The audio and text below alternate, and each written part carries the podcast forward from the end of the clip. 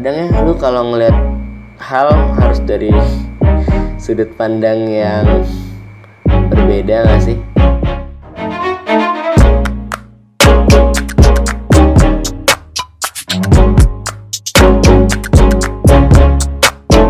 Lu harus ngelakuin hal-hal jauh lebih pagi daripada orang-orang lain. Karena ketika lo ngerjain suatu hal lebih pagi eh, kayak udah jam baru jam 7 tapi lu udah ngerasain ngelakuin banyak hal dan itu membuat hari lu produktif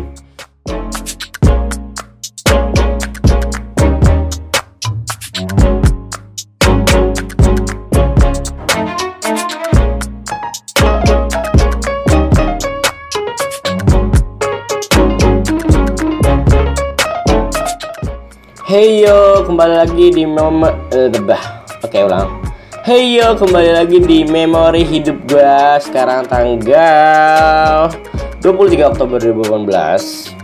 Hari ini adalah minggu hari ini termasuk dalam dua minggu UTS ujian tengah semester.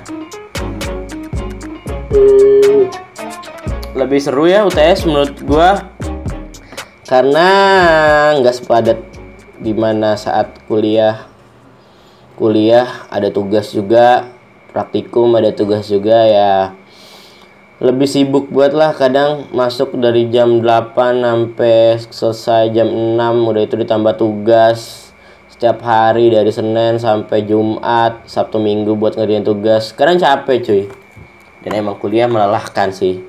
Ya cuman gue suka aja kalau UTS jadi lebih renggang lebih bisa tidur siang lebih teratur uh, pola makan ya UTS karena kayak cuman dua jam gitu dalam kelas udah itu keluar dan saya tuh lebih bisa belajar belajar dan ngelakuin hal-hal kayak istirahat atau ngelakuin hal yang suka. Ya gue mencintai UTS dan UAS sih. Menurut gue itu adalah jeda di mana lo bisa bernafas dari menghilang dari banyaknya tugas. Tapi tetap ada sih kadang kayak tugas-tugas yang dikumpulkan sebelum UTS pelajaran itu dilakukan. Ya. Kenapa ya kita harus banyak tugas? Padahal kita udah kuliah. Ya mungkin karena biar kita ngerti pelajaran itu ya. Ya tapi mungkin itu bagian dari ketidakpercayaan pengajar gak sih kepada kita? Gue nggak tahu gitu. Tapi ya kalau dilihat baiknya ya supaya kita bisa lebih tahu lah mungkin kalau di kelas banyak noise kali ya. Mungkin kelasnya panas hati yang ngajar nggak enak atau kita lagi nggak enak di dalam kelas jadi mungkin dikasih tugas biar lebih ngerti lebih bisa belajar sendiri sih. Ya kadang ya lu kalau ngeliat hal harus dari sudut pandang yang berbeda gak sih? Misal kalau ada hal-hal yang negatif ya coba aja ngeliat dari sisi positifnya biar ya udah ngapain dicari negatif-negatifnya ya buang-buang waktu sih mending lo ngerjain lain yang lebih bermanfaat Oke, kali ini gue lagi belajar biasa seperti biasa membaca slide, coba mencatat, melihat catatan kembali yang waktu kuliah pernah dicatat. Ya, tapi lebih banyakkan ke slide sih dan ngerangkum slide. Ah, ya kenapa ya kita selalu begini membaca slide? Kayak sebagian besar anak-anak zaman sekarang kalau kalau kuliah tuh nggak nyatet ya menurut gua kecuali orang-orang yang benar-benar rajin sekarang di mana kayak teman-teman kelas tuh kalau lagi dipaparkan materi atau slide langsung foto langsung foto langsung foto setiap pergantian slide. Ada juga nih teman gua yang kayak dari awal mulai pembelajaran dia rekam suara gurunya sampai akhir kayak sejam dua jam udah itu nanti dia dengerin lagi di kamar terus dia nyatet apa yang disampaikan. Wah menurut gue banyaknya cara untuk dapat ilmu dan dan nggak cuman dari slide atau pemaparan doang sih menurut gue ah gue nggak tahu mau bahas apa hari ini cuy. Gue lagi baca-baca slide untuk lusa. Karena gue pengen baca-baca aja sih. Bosan aja sama materi besok. Uh, oke. Okay. tadi pagi gue oh ya tadi pagi eh hari ini gue ujian jam 1 dan gue kayak baru belajar jam 4 pagi gitu cuy. Ya kadang kadang ya uh, nyesel itu emang datang di akhir kenapa ya? Ya kadang kayak lu udah memplotin belajar jam segini malamnya udah belajar baca paginya tinggal tinggal ulang-ulang lagi siangnya tinggal ulang-ulang lagi. Kadang lu udah mengeset itu di dalam pikiran lo di dalam to do to do to do list to do list. Ya pokoknya dalam list lo lah untuk kayak belajar jam berapa ngulang jam berapa baca catatan jam berapa nyatet jam berapa. Tapi kayak it's a bullshit ya sih. Kadang lu uh, setelah nyesel di mungkin UTS, UTS semester kemarin gue harus belajar gue harus lebih baik pada ini. Oke gue nggak mau gue pokoknya dua minggu sebelum sebelum UTS gue harus belajar udah bla. Ya tapi kenyataannya lu belajar hamin berapa jam cuy termasuk gue ya ini kayak masalah di gue dong sih eh tapi gue yakin juga sih kalian pasti ada yang kayak gini Iya, kadang kita udah mau mengeset suatu hal, tapi kadang nggak sesuai kenyataan. Ya, tapi untung aja tadi waktu gue ujian bisa-bisa aja sih, alhamdulillah. Ya, karena mungkin di kelas gue lumayan lumayan fokus ya, meskipun ada noise noise kanan kiri, cuman ya di kelas usahain ya denger lah, at least kalau lu nggak nyatet dengerin. Dan kalau lo baca materinya ulang oh lo tahu nih waktu materi ini penjelasan lebih yang dikasih dosen tuh apa gitu. Kadang kan nggak cuma slide oriented doang tapi kayak lebih ke analisis dan pemahaman. Kadang kadang juga nggak ada di slide kadang apa yang dosen-dosen sampaikan aja waktu dia lagi kuliah gitu gak sih ya tapi gue setuju sih penyesalan selalu datang terakhir. Dan kenapa selalu di UTS dan UAS ya? Penyesalan itu datang ya. Oke. Gue lagi baca slide sekarang. Uh, oke. Okay. gue nggak tahu cuy mau bahas apa. Pokoknya hari ini berjalan dengan lancar. Gue melakukan hal-hal baik mulai dari awal. Oke. Okay. gue pernah nonton TEDx ya eh gue pernah gue waktu kemarin nonton ke Sinestat yang dia membahas apa gitu sama sama motivator gue lupa. Dia kayak anggota-anggota anggota tentara Amerika gitu. Dia buat buku dia kayak wawancara gitu sih Casey Neistat jadi kayak dia dia ngomong kayak lu harus ngelakuin hal-hal jauh lebih pagi daripada orang-orang lain. Karena ketika lu ngerjain suatu hal lebih pagi uh, kayak udah jam baru jam 7 tapi lu udah ngerasain ngelakuin banyak hal dan itu membuat hari lu produktif. Nah itu sih menurut gue bener banget. Dan gue kemarin coba menerapkan kayak bangun jam 4 udah memulai aktivitas dari jam 4 tanpa memegang sosial media. Kayak paginya gue langsung uh, minum air putih segelas wudhu sholat ngaji terus kayak bikin teh ya gue setiap pagi dan malam biasanya minum teh hijau. Kayak kayak apa sih air panas langsung dikasih teh tanpa gula itu enak banget sih. Ya gitu terus kayak nyapu kamar beresin kamar sarapan olahraga lari-lari dikit. Ya gue merasa hari tadi pagi itu pagi terproduktif gue di minggu ini eh di bulan ini deng. Kayak gue melakukan banyak hal tiba-tiba gue liat jam ya masih jam 7 pagi dan sedangkan gue masuk jam 1 ya dan gue sem memulai semua semua lebih awal kayak gue ke kampus mulai dari jam 10 ngisi bensin dulu mau mas apa ke ke kampus jam 10 beli kopi duduk di tempat hidden place. Oh gue mau cerita sih tentang kepada sama kalian uh, kalian udah dengar pod podcast gue yang kemarin sama Wicak? Ya di situ gue ngobrol-ngobrol banyak tentang kehidupan juga dan tentang bem ya gue memilih untuk membantu Wicak cuy. Gue kenal Wicak ya gue kenal Wicak lah dari dia belum jadi apa-apa sampai sekarang. Dan gue rasa kita harus saling membantu. Dia nggak bisa bagus sendiri. Kadang kalau kalau pemimpin bagus ya tapi bawa-bawahannya bobrok ya nggak ada perubahan juga. Ya gue bukan bilang diri gue bagus cuman at least gue bisa gue ingin membantu Wicak lah untuk mewujudkan bareng-bareng. Apa yang uh, sudah lama fakultas gue harus dapatkan tapi nggak didapatkan sampai saat ini gitu.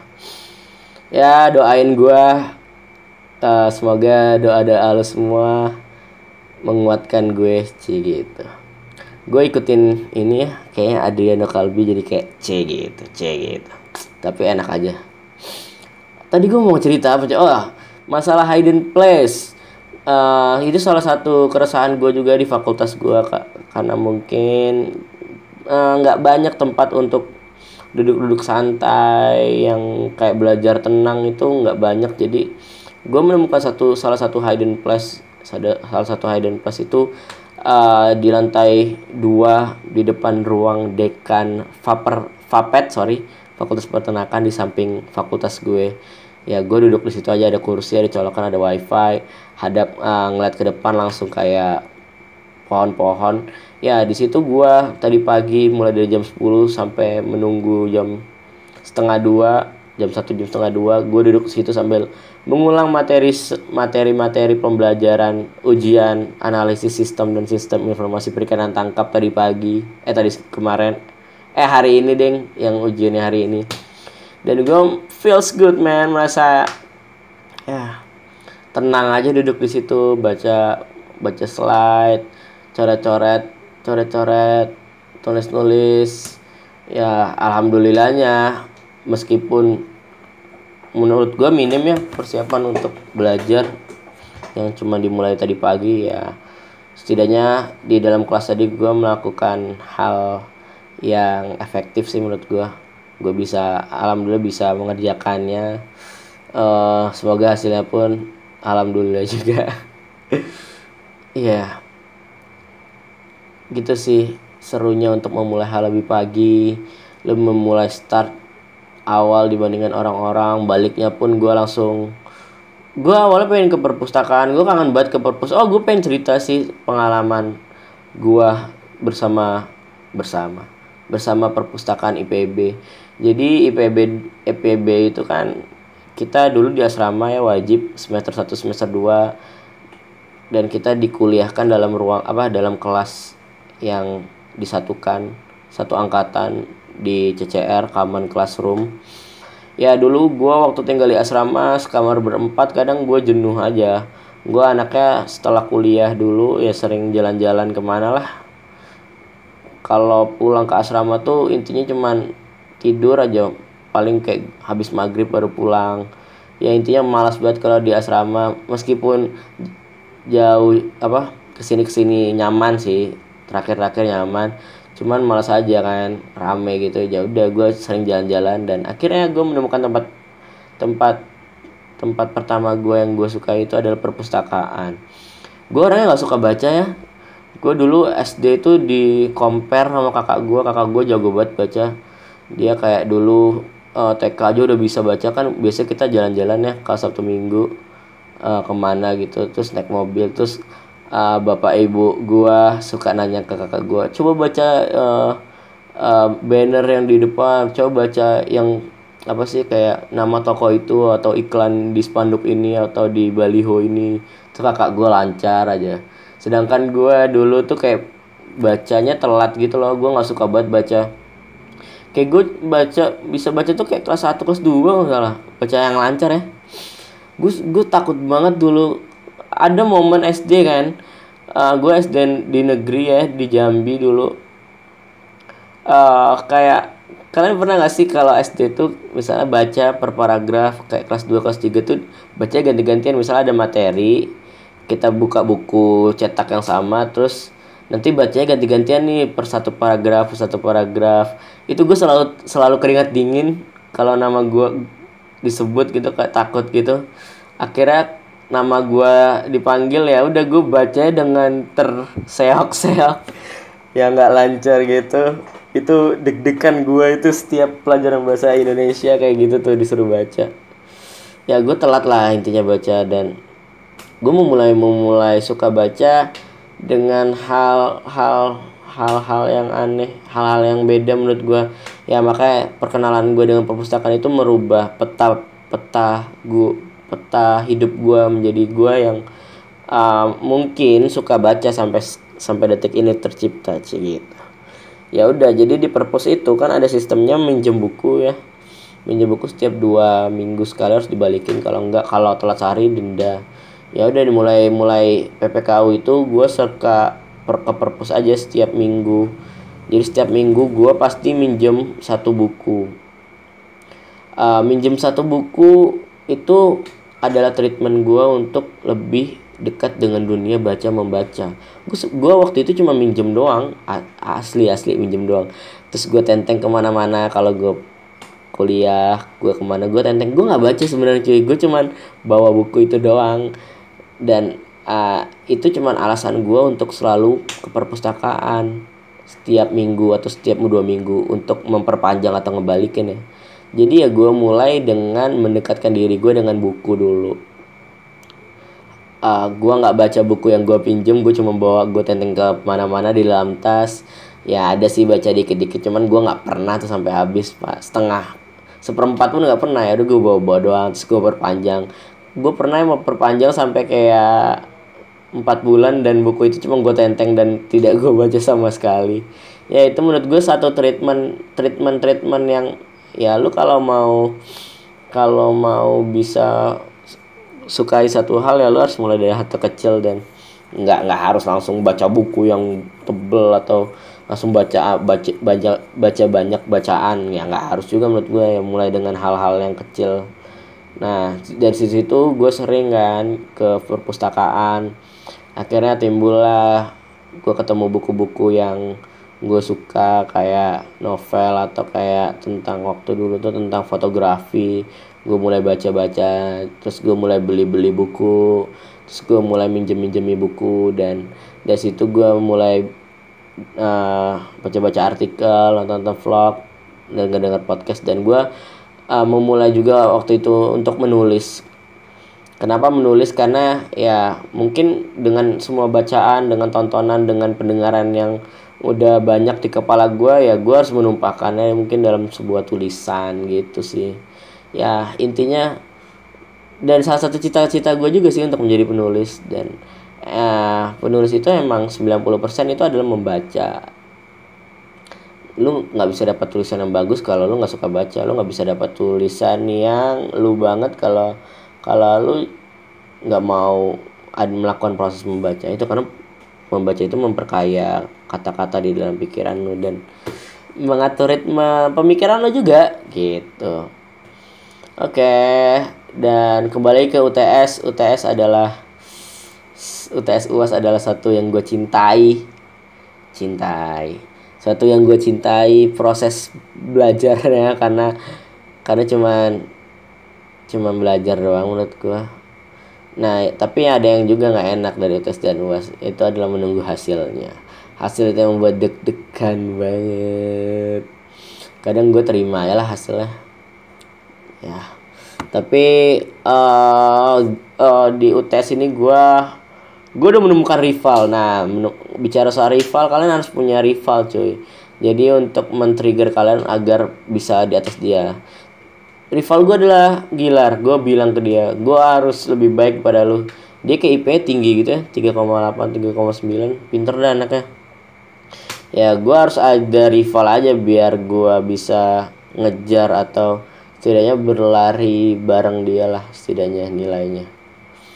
Ya makanya gue gue pernah bilang juga gue harus lebih tinggi daripada Gilar. Kalau gue tinggi lu lu ini ini ya gitu gitu ya itu membuat gue semangat untuk setidaknya lebih dari dia. Tapi itu nggak tulus juga sih belajar gue ternyata ya. Ya cuman lu butuh alasan juga sih kenapa lo harus bisa belajar lebih daripada orang lain atau belajar lebih untuk apa. Lu punya punya apa namanya? Punya maksud masing-masing lah. Kalau gue mungkin sekarang lah gue gue ingin menyaingi rival gue si Gilar itu. Oke. okay.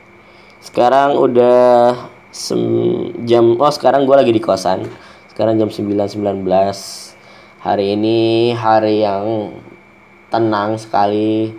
Bogor hujan setiap sore setiap sore selalu hujan. Makanya kayak gue uh, minggu-minggu ini selalu pulang cepet.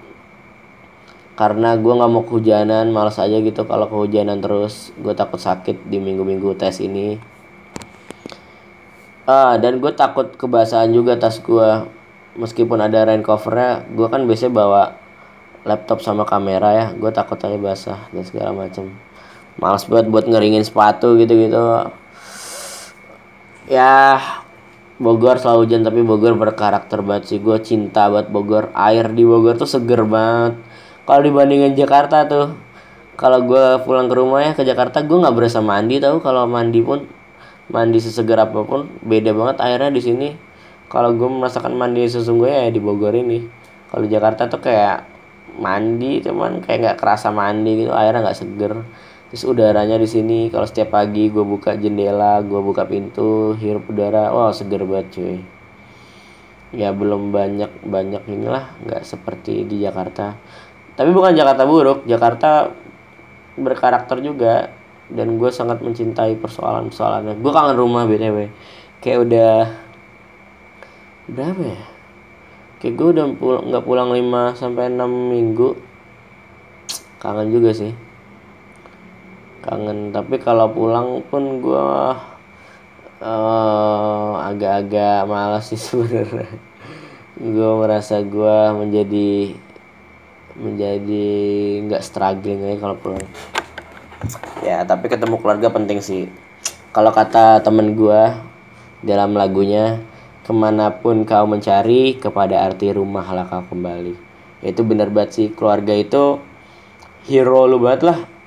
Superhero lu banget. Keluarga tuh orang yang bakal nerima lu apa pun kesalahan yang lu perbuat. Kalau orang lain mungkin akan pergi ninggalin lu tapi keluarga nggak akan cuy lu pernah gak sih ngelakuin kesalahan besar banget? Yang menurut lu menurut diri lu di, diri lu pun kalau ketemu orang kayak gitu nggak bakal memanfaat eh memaafkan. Ya tapi keluarga sejelek apa pun lu dia masih nerima lu memaafkan lu. Ya itu sih itu itu definisi keluarga yang yang bagus banget menurut gua. Ah gua jadi kangen rumah btw di meja gue sekarang lagi di meja belajar gitu dan gue pasang foto keluarga gue gue lagi liatin bapak ibu adik kakak gue jadi kangen. Ya gue orangnya nggak nggak nggak frontal gitu ya kalau sama keluarga. Nggak tahu gue kalau bisa dibilang sih nggak terlalu deket sama keluarga. Kadang gue iri gitu sama teman gue yang yang deket banget sama keluarganya. Kalau kalau apa kayak mau dipeluk ibunya mau dicium ibunya kayak gue sekarang kayak lu gitu gak sih cuy? Eh kayak gue salah sih. Kayak kayak udah gede dan malas untuk dicium dan dipeluk. Parah banget ya. Harusnya nggak boleh sih gue salah sih. Ya cuma gimana ya? Tapi gue nyesel sih kalau udah jauh kayak gini di mana gue nggak nggak mau nyium atau meluk orang tua gue lagi ya kadang lu perlu kehilangan dulu ya baru lu menyadari suatu hal itu penting atau enggak. Ya tapi ya lebih baik lu belajar dari orang-orang yang udah kehilangan aja sehingga lu nggak harus nggak harus ngerasai kehilangan itu sendiri. Makanya banyak baca banyak main banyak nonton. Main sih kata kata Panji itu main adalah suatu yang apa belajar yang dilakukan secara sukarela. Ngobrol sama orang baru ke mana kayak gitu? Ya hari-hari gua gua hadapkan dengan masih fokus gua utama gua ke kuliah ini. Gue pengen cepet-cepet lulus lah ngejar apa yang gue mau nyari duit sendiri ngelakuin hal yang gue suka. Sebelum gue umur 30 mungkin sebelum gue gak punya waktu banyak untuk ngelakuin hal gue suka ya start from here. Mulai di umur 20 tahun ini melakukan banyak kesalahan. Kalau kata Jack mah jangan sampai lo nyesel. Nyesel di kemudian hari lo ngelakuin hal-hal aman semua. Sehingga kayak lo nggak nggak banyak belajar gitu. Ya itu menurut gue bener banget sih. Tapi nggak ada kata telat cuy. Ya ini podcast oh ya gue berniat banget untuk tidak main Instagram gitu loh. Selama ujian tapi tetap aja magnet HP ini terlalu terlalu membuat gue selalu ingin main ya. Kadang gue bingung nih kita kayak udah didominasi sama teknologi. Di mana teknologi baru-baru baru terus kita masih konservatif kita masih berpikiran lama Wih. Oh man, Oh men, oke. Okay. Kayak gue akhirin akhirin dulu deh podcast kali ini. Gue pengen ya uh, ada pertanyaan mungkin dari kalian. Kalian bisa DM gue aja. Nanti gue bacain pertanyaan-pertanyaan kalian DM gue di uh, Instagram gue namanya Memoirs After 20 Memo M E M O I R S A F T E R 20 kalian boleh DM aja mau tanya apa nanti mungkin gue bakal jawab jawabin pertanyaan sih gitu. Asik kali ya jawab pertanyaan ya. Uh, gue pengen menutup podcast ini dengan dengan ini sih dengan dengan quotes yang paling gue sukai dan gue pajang di di figura di meja belajar gue tulisannya gini ini quotes berasal dari bapaknya Panji. Ya gue ngefans banget sama Panji. Ah, dan gue sedih banget tahun depan gue nggak bisa nonton stand up world tour dia yang pra Pragiwaksono tour karena gue gak dapet tiket. Shit lah. Dan lagi krisis moneter juga. Ya tapi kita syukuri saja uh, dia bapaknya ngomong gini ke dia jangan pernah bunuh mimpimu karena mimpi nggak akan pernah mati Sekeras apa pun kamu memukulnya, dia cuma akan pingsan dan bangun saat kita tua dalam bentuk penyesalan. Bener banget cuy, lu kalau ada mimpi, ada keinginan, lu ceritakan aja kayak gue sekarang. Gue bercerita, kalian tuliskan aja, kalian list aja, jangan pernah bunuh apa yang kalian inginkan, mimpi kalian. Karena sebenarnya mimpi itu gak akan pernah mati, dia selalu selalu ada selama kita ada. Uh, dia dia cuma pingsan doang. Dan bangun nanti waktu kita tua nih waktu kita nggak nggak nggak nggak sempat ngelakuin itu dia baru hadir dan dalam ingatan kita dan dia menampar kita. Dan dia bangun dan membuat kita sadar anjir. Ternyata mimpi gue masih ada dan gue nggak sempat untuk mewujudkannya. Gitu. Oke sekian dari gue terima kasih udah denger podcast ini. Semoga bermanfaat bagi kalian, bagi gue sendiri. Selamat datang di memori hidup gue. Uh, gue punya banyak keinginan dan nanti bakal gue banyak ceritain juga ke kalian. Thank you udah dengerin. Semoga semoga kita selalu dalam keadaan yang baik dalam rima yang sama atau berbeda, dalam latar belakang yang sama atau, atau berbeda. Semoga apa-apa yang kita utarakan, apa-apa yang kita ceritakan, apa-apa yang kita dongengkan adalah apa-apa yang kita upayakan. Thanks semua. Bye. Be nice.